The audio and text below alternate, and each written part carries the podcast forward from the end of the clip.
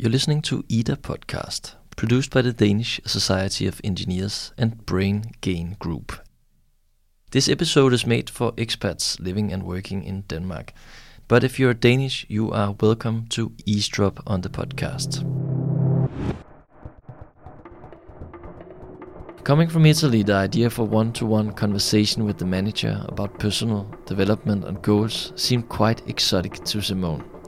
Working as a freelancer for old style companies, he had experienced a quite different management style. You normally don't speak uh, to your boss, you don't share anything to your boss. If the boss says that uh, this thing is in this way, you just say, yes, you're right, and uh, yes, uh, let's do everything according to your idea. But as an expat working in Denmark, he was faced with the MUS, the medarbejderudviklingssamtale, as it's called in Denmark. A one-to-one meeting with the manager about personal development and goals. In this podcast, we take a close look at the dynamics of MUS, the performance development interview, and how to prepare for it. In the first part, you'll meet Morten Isman, who is a career counselor at IDA. And in the second part, we'll get back to Simone and hear how he dealt with the Danish management structure. My name is Bo Oko Lange.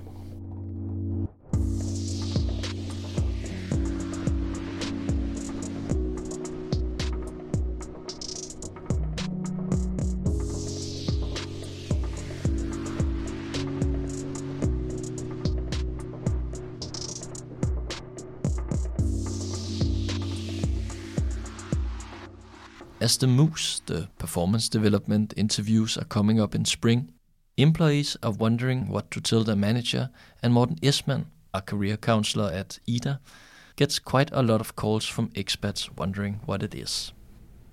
And coming from another country, it might be quite exotic, this concept mm. of the MUS samtale. Uh, can you elaborate on that? Mm. If you, especially if you come from a country in which there's no tradition for mm, employees having specific and articulated uh, wishes about their development and their tasks, it can be a funny thing that your manager certainly asks you, "What? How would you like to develop?" Because to many people, going to work is a matter of doing the best you can. So I understand that it's it's an exotic uh, situation, and uh, many foreigners in Denmark are not prepared for that. What do they ask you? Well, first of all, some of them calls us with a simple question: What is it? What's the point? Secondly, they want help on how to prepare for the for the meeting for the interview. What is it? The employee development interview is a meeting with you and your manager, and usually nobody else. There are at least three points on the agenda.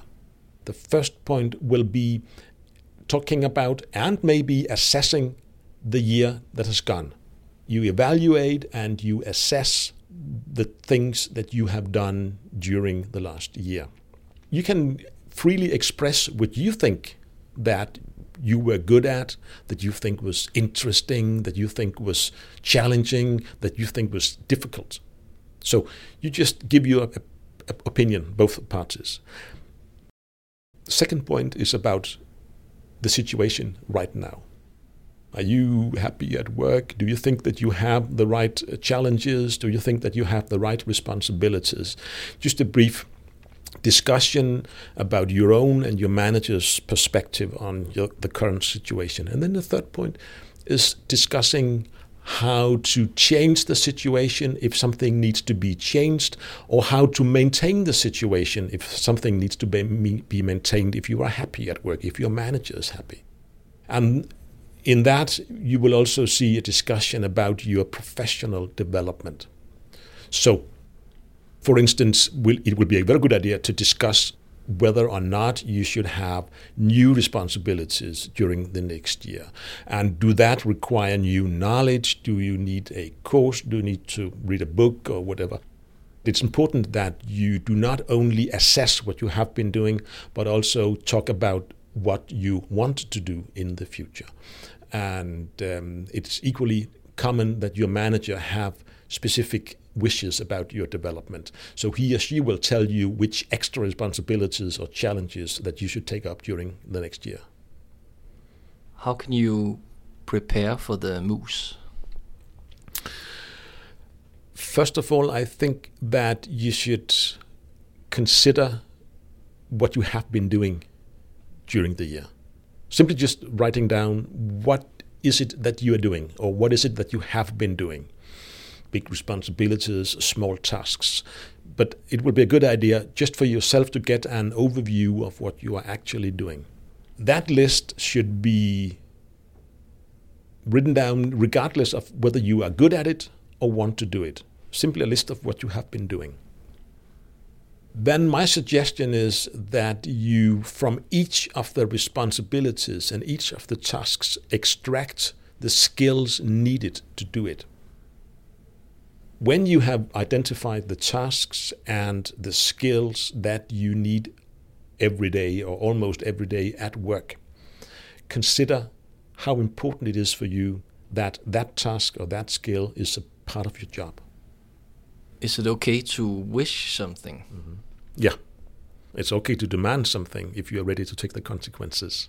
But the most common advice is to put forward your wishes. What kind of knowledge do you want to acquire? What kind of responsibilities would you like to get? What kind of tasks would you like to, to, to, to take on during the next year?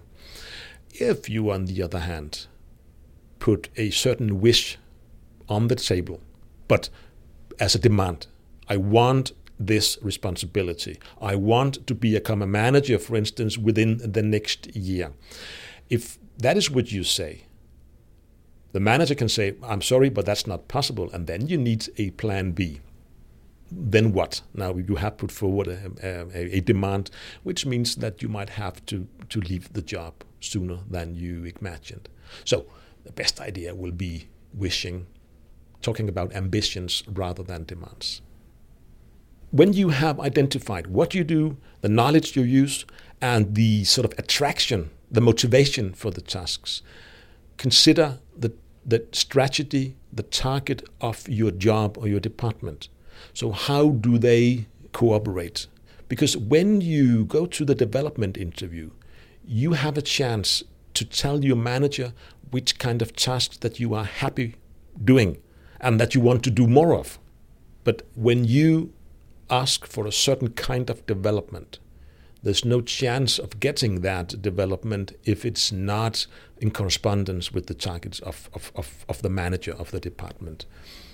Should you try to be cunning and try to speculate on how you can manipulate your boss? Manipulating, no. Cunning, no. But strategic, yes. Because if you put forward a range of wishes, you will have the the best chance of getting your wishes fulfilled if they are aligned with your manager's wishes. That is where you can be strategic. The other words that you mentioned uh, could mean that you are trying to cheat. I mean, that you have a different agenda than the official one. And since I recommend that your manager does not have a hidden agenda, why should you?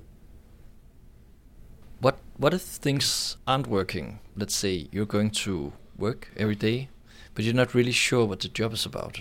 You're mm. just mm. wandering the halls with a mm. briefcase full of random papers, and your boss isn't really giving you any direction.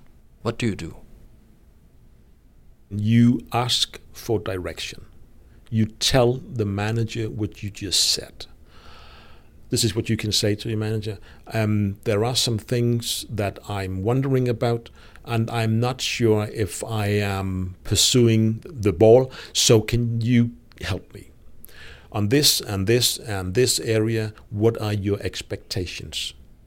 I don't think that it's important if you are a 2 or a 10.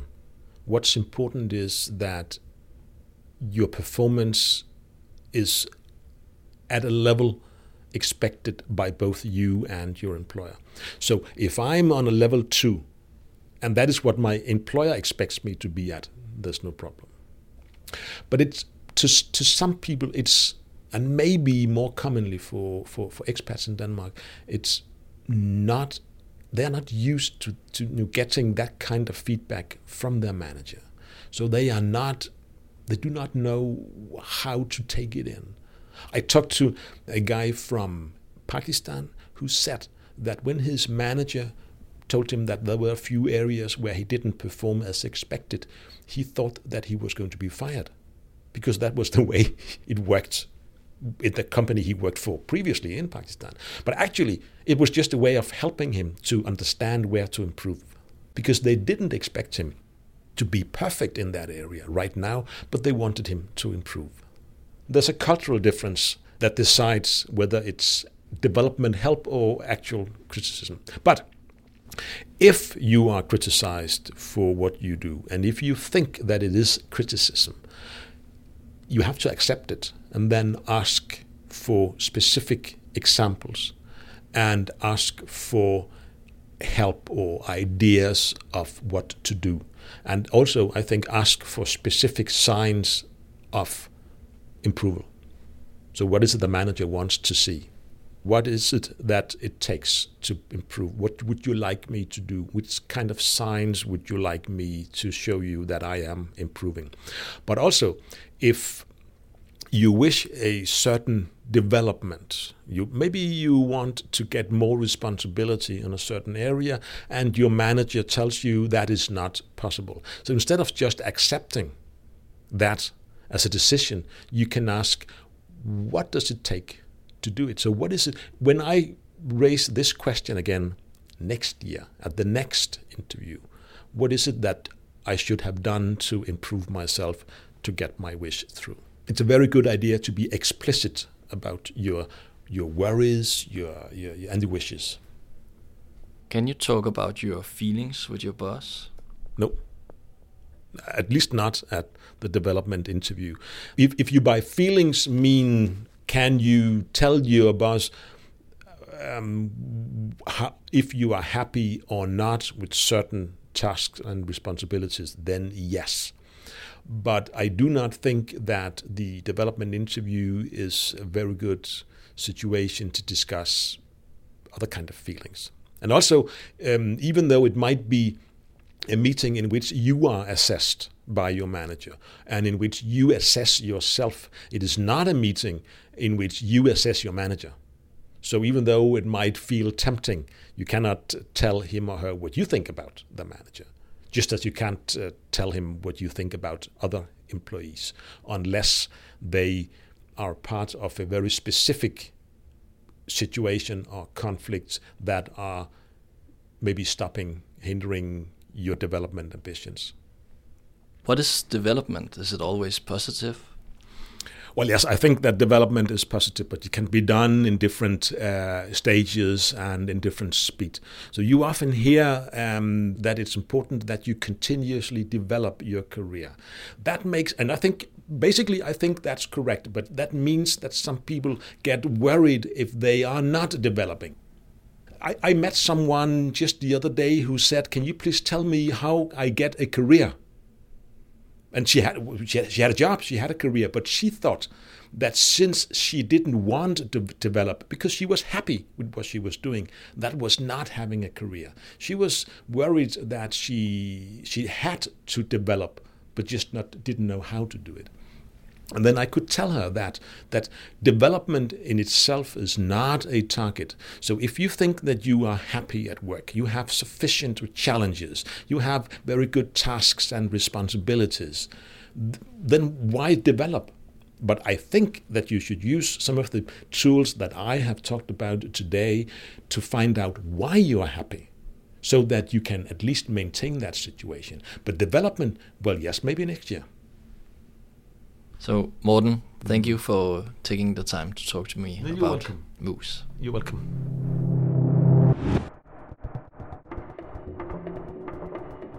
So the MUS is a chance to get feedback and set the course for your career. But a lot of the expats coming to Denmark are occupied with other things getting a bike, finding out where to live, and adjusting to a different work environment. Here's how Simone describes his first day at work. Yes, I really remember the first day. And actually, it's a nice episode to to remember.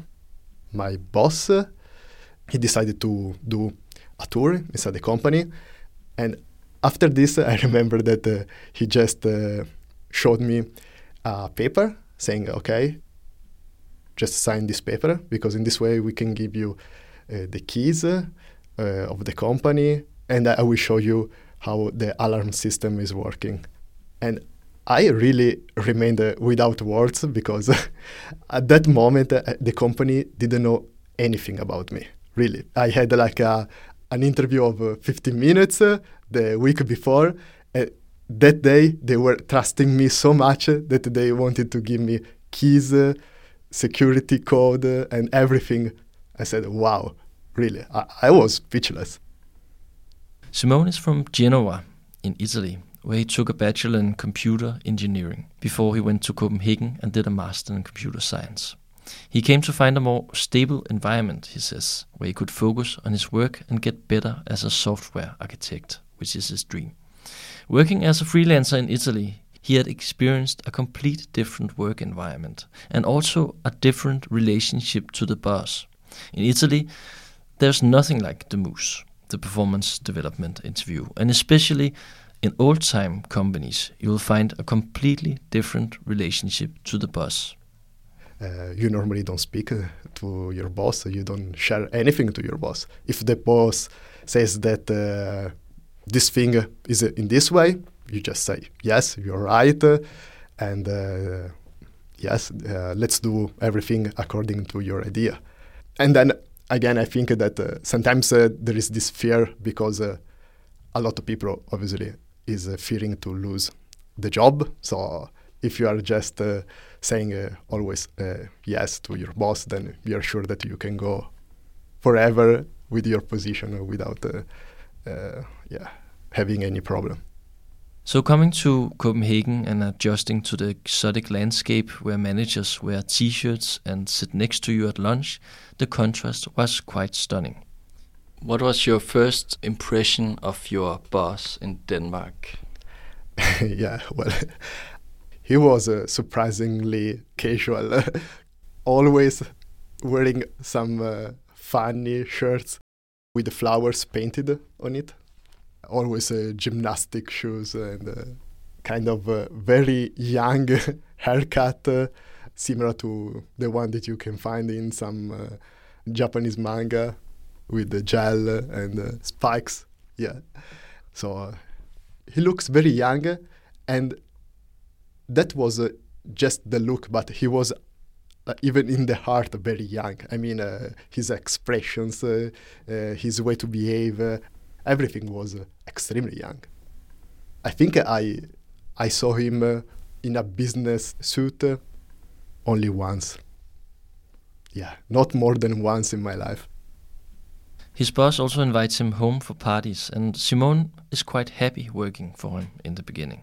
When you want to describe a nice person, I think I will always see this man looking at me, listening at me, very with that uh, humble attitude, and uh, uh, yeah, very easy to talk to. And uh, he was inviting uh, all of us, like all the team members, to me dinner and uh, also to other uh, events in town. So yeah, I think uh, at least once every three months he was organizing a party and generally at his home. So. And how was it being at your employer's home? Uh, I think kind of normal because he was uh, behaving in the same way even in the office, so it, it wasn't changing. I mean, uh, uh, he was behaving exactly in the same way. And I, I really appreciated his initiative. The idea that uh, also staying all together, we could uh, also know better each other, especially also the others. I mean, not only the relationship between me and the boss. So. Casual in style and informal when it comes to the employees, the manager is also quite casual when it comes to the MUS. Actually, he doesn't tell Simone about it. So while other employees are assessing the year gone by and setting the course for the next year, Simone is still blissfully unaware of the MUS. He's just slowly adjusting to the workspace, getting to know the colleagues, and finding out what to wear. You spend quite a lot of time just figuring out what to wear. Yes. Can you tell me about that? Yes. So yes, I remember the first days uh, I worked uh, in my company. I started to wear like uh, nice uh, and professional clothes uh, and nice shoes, very elegant. Also bought on purpose for my for the new job.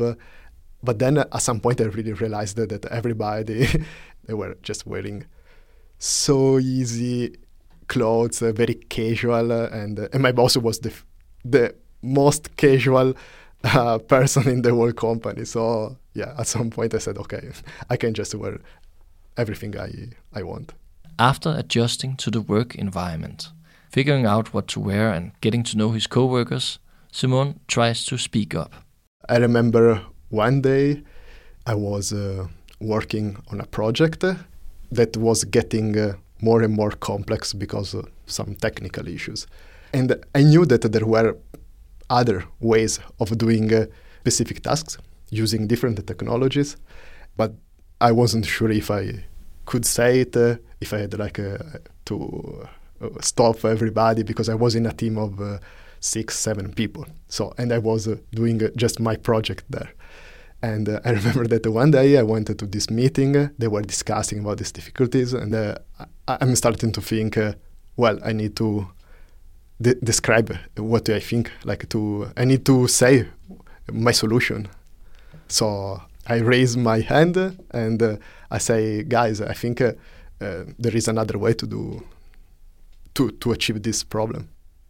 And my my colleagues stop and uh, they look at me, and uh, so I started to describe my solution, and uh, everybody is really listening at me. And uh, at some point, uh, my boss stops everybody, saying, uh, "Yes, I think uh, we can go with that solution, and uh, you're right, and uh, we should change the way we are doing these things." And and I really liked the idea of that I, I wasn't in charge of this task. Uh, I was, uh, as an Italian would say, the last wheel of the wagon. It's the one that you can uh, put horses on and bring stuff. L'ultima ruota del carro. I was having the less important role in the team, but my boss was always available to to listen my opinions, and uh, I really uh, felt like home in the company.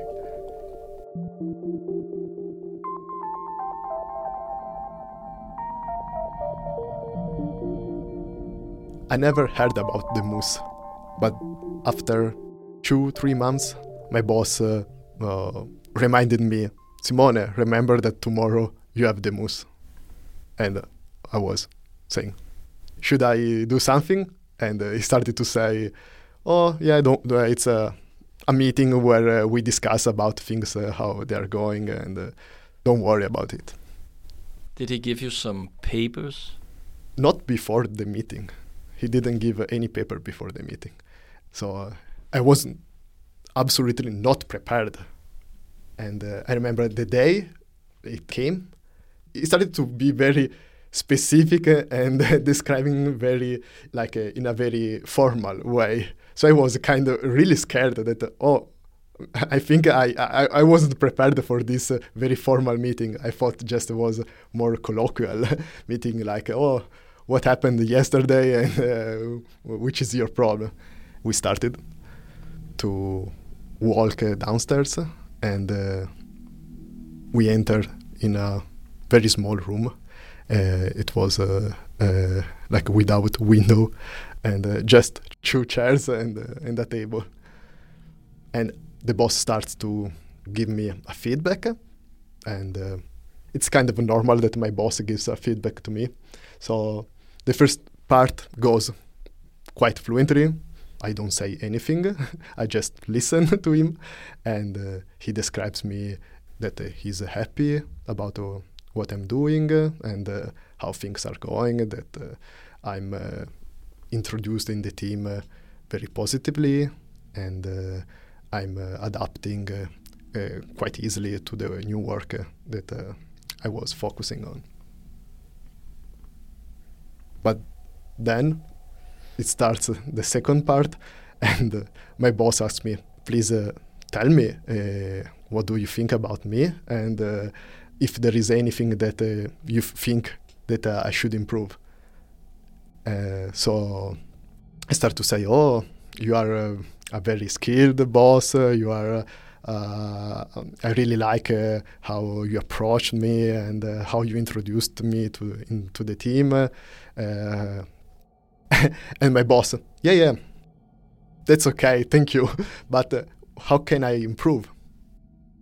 And I think at, at that question, I I didn't say anything for five seconds, 10 seconds at that moment. and uh, I really didn't know how much I could say or how many things it was better to not say. Can you tell me about this you, you wrote here? Yeah, uh, that you were trying to. I was trying to hide my anxiety, you write, and yeah. I was constantly looking at his eyes for feedback. Yeah, exactly. yeah, I was trying to hide my anxiety and uh, I was looking at the eyes for his feedback, and th- that's also because uh, he was just listening and uh, staring at me until I was finishing all the things that I had to say. And uh, since he wasn't say anything about what I was saying, I started to look at his eyes, uh, trying to find uh, any clue without any success. He just stared at me without making any move and uh, yeah, so I say probably you need to uh, organize better your time. I think this was my my actual issue at that moment, and he just started me saying, "Yes, thank you. Uh, I appreciate your opinion." I was talking to um, a career counselor mm-hmm. at uh, the Danish Societies of Engineers. Okay. And we talked about the MUS as being walking a line between being strategic and being open. Mm-hmm. And you can never really be either or. Yes. Uh, I, I honestly didn't see the MUS too much in a strategic way, even if probably I should have uh, for my career. I don't know if uh, things could change a bit, but uh, I I always thought that uh, for this kind of meeting, the honesty is the mo- most important thing. I mean, I'm just talking with my boss, and I always had a, a huge respect for my boss. So I was really trusting in him, and he was showing himself uh, as uh, somebody that you can trust, and uh, that's enough for me. I never wanted to ask something more. Simone's first MUS wasn't that fruitful, maybe because he didn't have the time to prepare for it.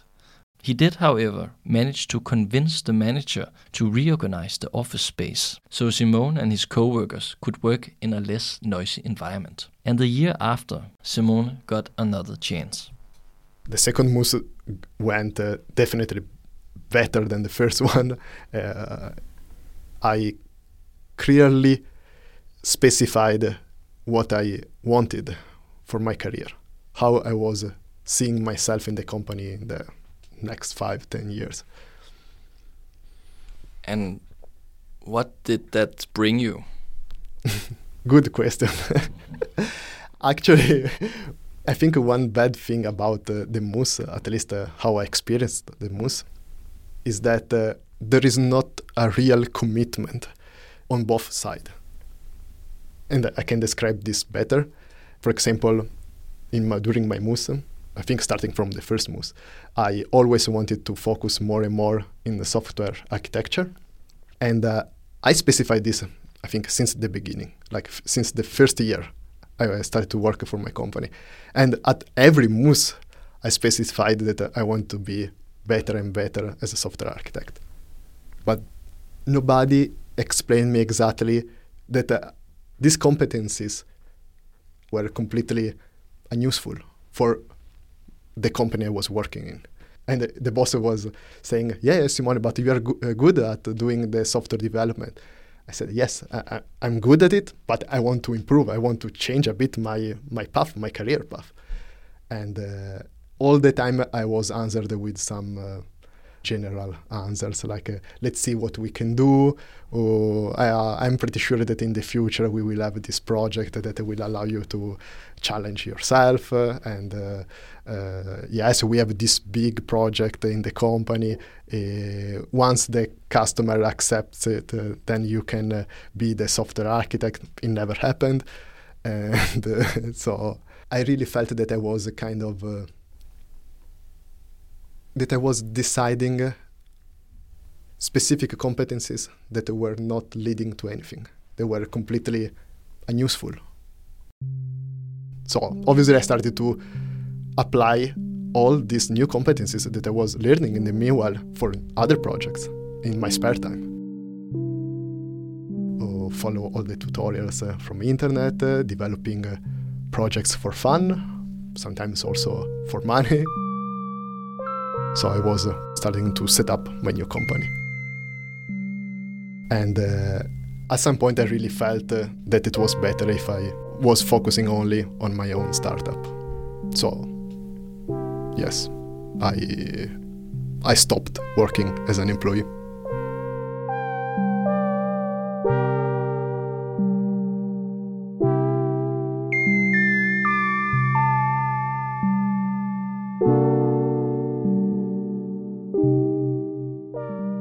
Simone Leomani started his own company, and today he's working as a software architect and developer for his own company, Verb and Coffee.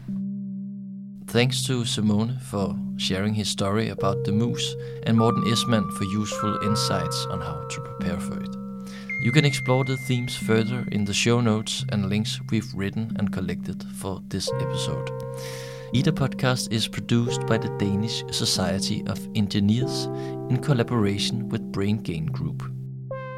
The theme music was produced by Sven Simon Borg. My name is Bo Ågaard Lange.